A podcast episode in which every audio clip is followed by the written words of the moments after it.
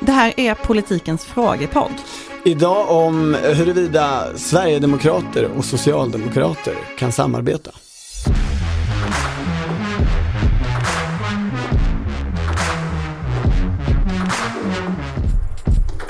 Fast jag tror inte att det, det är den viktigaste Nej, men frågan. om jag för- tror det, vad svarar du då? Jo,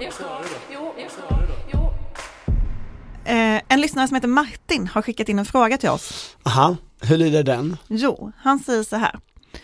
Eh, det pratas en del om att SD och S kan gå ihop och att de tillsammans samlar 180 mandat och så vidare. Men underskattar man inte då Sverigedemokraternas aversion mot Socialdemokraterna? Hur sugna skulle SD vara på att hjälpa S egentligen? Spännande fråga tycker jag. Mm.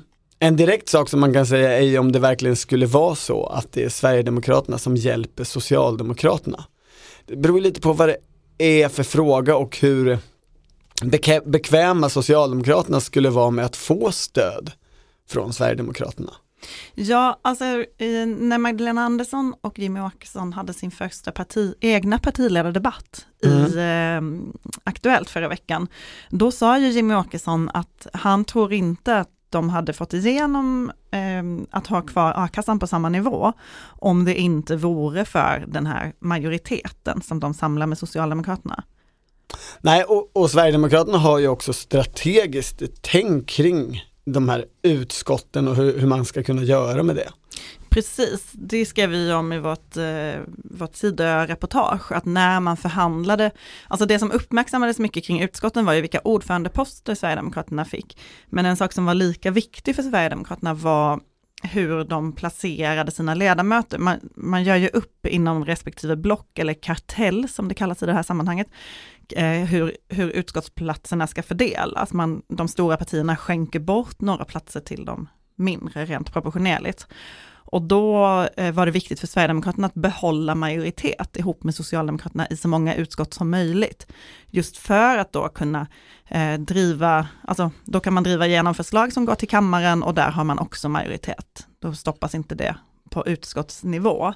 Och det, det förstår man ju att de tänker sig att det är ett verktyg som de ska kunna använda i förhandlingar mot regeringen. Att säga att eh, alltså det, det är ett slags hot om inte annat. Ja, och det här får de ju, eller kan de ju om de ska fortsätta följa tidavtalet, bara göra på områden som inte berörs av, av tidavtalet. Alltså där tycker jag att man har fått lite olika bild. Att ibland säger folk att så här, jo, men på respektive område kan man fortfarande driva de saker som man inte har förhandlat på det politikområdet. Samtidigt så det som är budgetpåverkande ska de ju det, det ska de ju budgetförhandla helt och hållet. Alltså det återstår väl lite grann att se hur det här kommer användas, men det är ju uppenbart att det är för Sverigedemokraterna ett viktigt verktyg. Och där har, skulle jag säga att du har rätt, det kanske är mer i Socialdemokraterna som hjälper Sverigedemokraterna än tvärtom. Ja men och det ord som du sa är väl det centrala, alltså hot. På något sätt så, för Sverigedemokraternas del så uppfattar man ett resonemang om att det här är en ventil, att så här, istället för att, att lämna hela tidavtalet eller hota om att göra det när man uppfattar att man är åsidosatt eller att regeringen inte har fullföljt de här sakerna man kommit överens om, så kan man ju hota med att då går vi till Socialdemokraterna och gör upp med dem istället. Men för att det hotet ska vara verkligt så måste man ju åtminstone vid ett tillfälle få till ett tydligt utskottsinitiativ som faktiskt ger resultat i kammaren så att det här hotet eh, uppfattas som skarpt. Magdalena Andersson sa i samma Aktuellt debatt att eh, alltså hon, Socialdemokraterna har ju fortfarande förhållningssättet att de inte förhandlar med Sverigedemokrater. Men att eh, de kommer ju lägga fram sin politik och sen är alla fria att rösta på den. Ja. Och det var ju till exempel så, alltså 2013 i den här brytpunktsstriden, då gjorde ju Socialdemokraterna så att de bröt upp sitt förslag i olika förslag så att Sverigedemokraterna skulle kunna rösta på det. De kanske inte anpassade politikens innehåll efter Sverigedemokraterna, men de anpassade formerna för det efter de signaler som Jimmy Åkesson då hade sänt i intervjuer och annat. Och på så sätt så fick de en majoritet. Och det kan man ju tänka sig att de kommer agera på det sättet igen. Ja och det är det man får lite bilden av att Sverigedemokraterna eh, drömmer om eller hoppas ska ske så att det liksom finns en eller två tillfällen där det här hotet blir eh, realistiskt eller förverkligas och att, att hotet blir på, på, på, allvar sen. Jimmy Åkesson var ju också i den debatten väldigt eh, inbjudande till Magdalena Andersson och sa min dörr står öppen för dig och eh, vi, vi, kan, vi har mycket vi kan komma överens om. På lite längre sikt så, så är ju frågan om relationerna mellan de här partierna rätt intressant tycker jag. Alltså Frågan är ju, vad har egentligen Socialdemokraterna att tjäna på att, ja, att de skulle säga som Moderaterna sagt, nu samarbetar vi med alla. Vi har ingen, eh, de här tycker som de tycker men vi kan använda deras mandat och ett sånt resonemang. Då tänker ju alla sig, uppfattar jag som jag pratat med om det, att det skulle Socialdemokraterna absolut kunna göra för att få makten. De är aldrig, liksom, ändamålen helgar alltid medlen på något sätt. Får vi makten så kan vi ta det så. Och det intressanta tänker jag att det finns väl framöver möjligen också en halva vägen lösning. Alltså att man eh, inte alls tar sig lika långt i ett SD-samarbete som Ulf Kristersson har gjort nu. För är det någonting som det samarbetet ändå visar på, tidavtalet, är ju att det är ganska besvärligt att vara Ulf Kristersson nu. I tidavtalet så, han, han tvingas ge så mycket till Sverigedemokraterna, en hel del symbolsaker som kanske inte blir verklighet, men ändå ge så mycket för att Sverigedemokraterna har den förhandlingspositionen de har och för att de är så himla nervösa för att bli lurade. Man kan ju tänka sig att det liksom är Ulf Kristersson som river av hela SD-plåstret åt Magdalena Andersson eller Socialdemokraterna. Så att Socialdemokraterna kan använda SD-röster i framtiden utan att behöva bilda en så här stor och jobbig liksom koalitionskonstigt bygge som Ulf Kristersson har tvingats göra. Det vore väl typiskt, men i, eh, det, det, finns ju ändå någonting i den här frågan också som handlar om SDs aversion mot socialdemokrater och den måste man ju säga är ju rejäl. Den finns ju verkligen i väldigt stora delar av partiet. Ja. Också bland eh, dess väljare, alltså det finns ju också aversion mot moderater i det partiet och eh, idén om allt som Reinfeldt gjorde och, och sådär. Eh, och det, det försöker ju Jimmy Åkesson också fortfarande ge uttryck för, att eh, alla tidigare regeringar har varit skadliga för Sverige. Men det finns ju en, en starkare känslomässig ilska mot det just profilerade ju, socialdemokrater. Det är ju en gradskillnad eh, ändå. Alltså, jag, jag tänker i grundhypotes eller betraktande att Sverigedemokraterna är i någon form en utbrytning av Moderaterna. Det är också så en del, rätt många moderater betraktar det så, här, vi släppte vår konservativa flank någon gång på 80, början av 80-talet och öppnade för de här idéerna och krafterna. Eh, och tittar man också i persongalleriet så är det ju de, av de betydande Sverigedemokraterna så är det ju fler som har liksom en bakgrund i Moderata ungdomsförbundet eller hos Moderaterna än i SSU. Ja, och den där bilden som fanns eh, tidigare som också ofta spreds av moderater att eh, de moderater som gick till SD var gamla socialdemokrater som hade liksom gått från S till M till SD.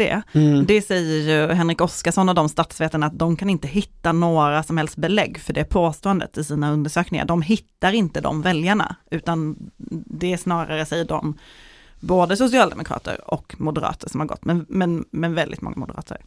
Ja, och då blir ju frågan för framtiden, alltså hur moderata kommer Sverigedemokraterna vara? Dels efter det här samarbetet där man ändå anpassar sig på massa olika sätt. Eh, men också i så här grundkulturen, alltså i identiteten. Och där tycker jag det, det är spännande, alltså ta Ungsvenskarna, deras ungdomsförbund.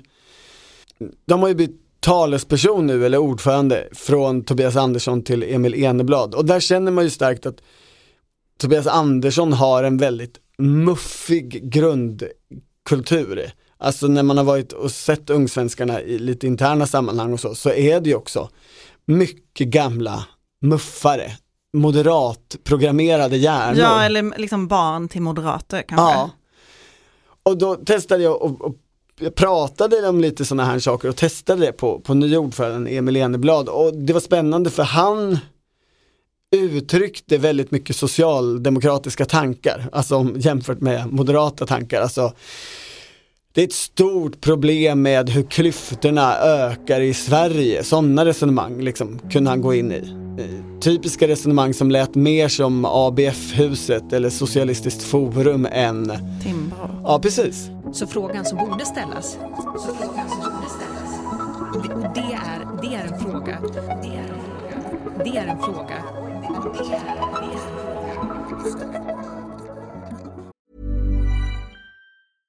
Hey, I'm Ryan Reynolds. At Mint Mobile, we like to do the opposite of what Big Wireless does. They charge you a lot, we charge you a little. So naturally, when they announced they'd be raising their prices due to inflation, we decided to deflate our prices due to not hating you. That's right. We're cutting the price of Mint Unlimited from $30 a month to just $15 a month. Give it a try at mintmobile.com slash switch. $45 upfront for three months plus taxes and fees. Promo rate for new customers for limited time. Unlimited more than 40 gigabytes per month. Slows. Full terms at mintmobile.com.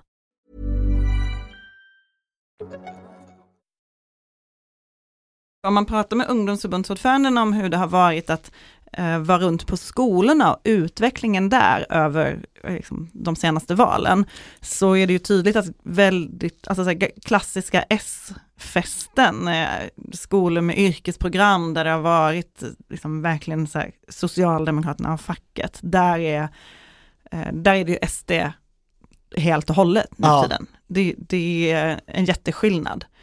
Ehm, så att det kanske, då kanske det blir en, en elit och en, eh, liksom, Folket. elit av folk. De som röstar och de som företräder partiet kanske inte kommer vara samma.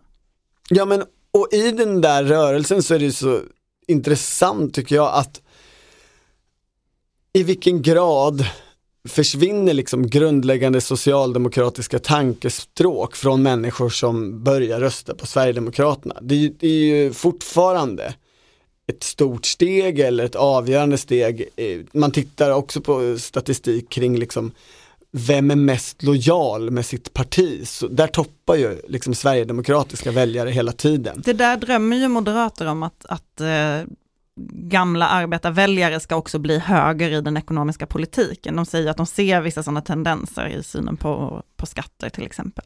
Ja och det är väl i grunden det som kommer avgöra hur enkelt har Socialdemokrater och Sverigedemokrater att göra upp i framtiden. Alltså kommer det en sån grundläggande konflikt kapital arbete mellan SD och S, då är det ju svårare att, att göra upp.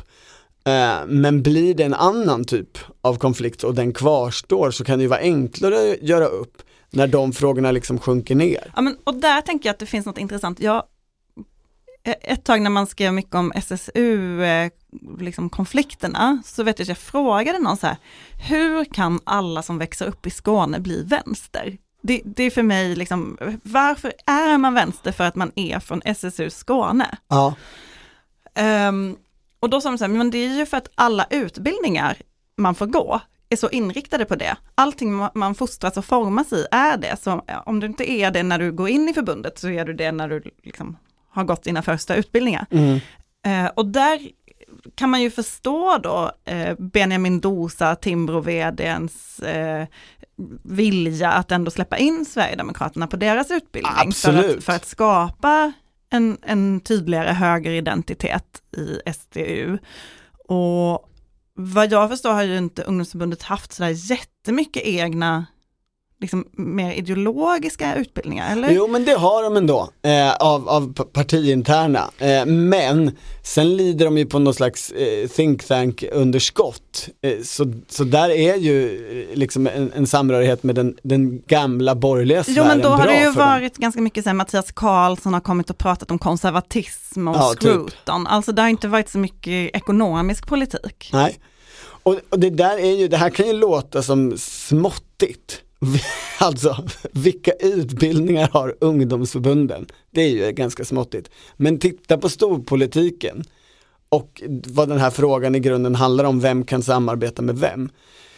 Det grundläggande svårigheten för Centerpartiet inför det här valet och hur de ska göra nu, att, att liksom omfamna eh, Magdalena Andersson ordentligt, det är ju att de har en eller två ungdomsförbundsgenerationer som har sån grundstark Timbro-identitet.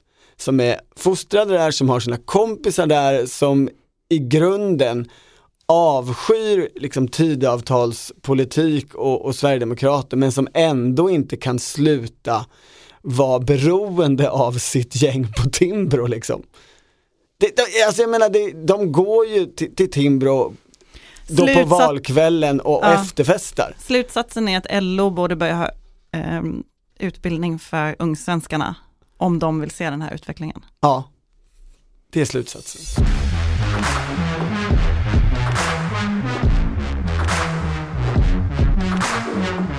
Du har lyssnat på Politiken, en podd från Svenska Dagbladet. Producent Mattias Dellert och ansvarig utgivare Anna Karleborg.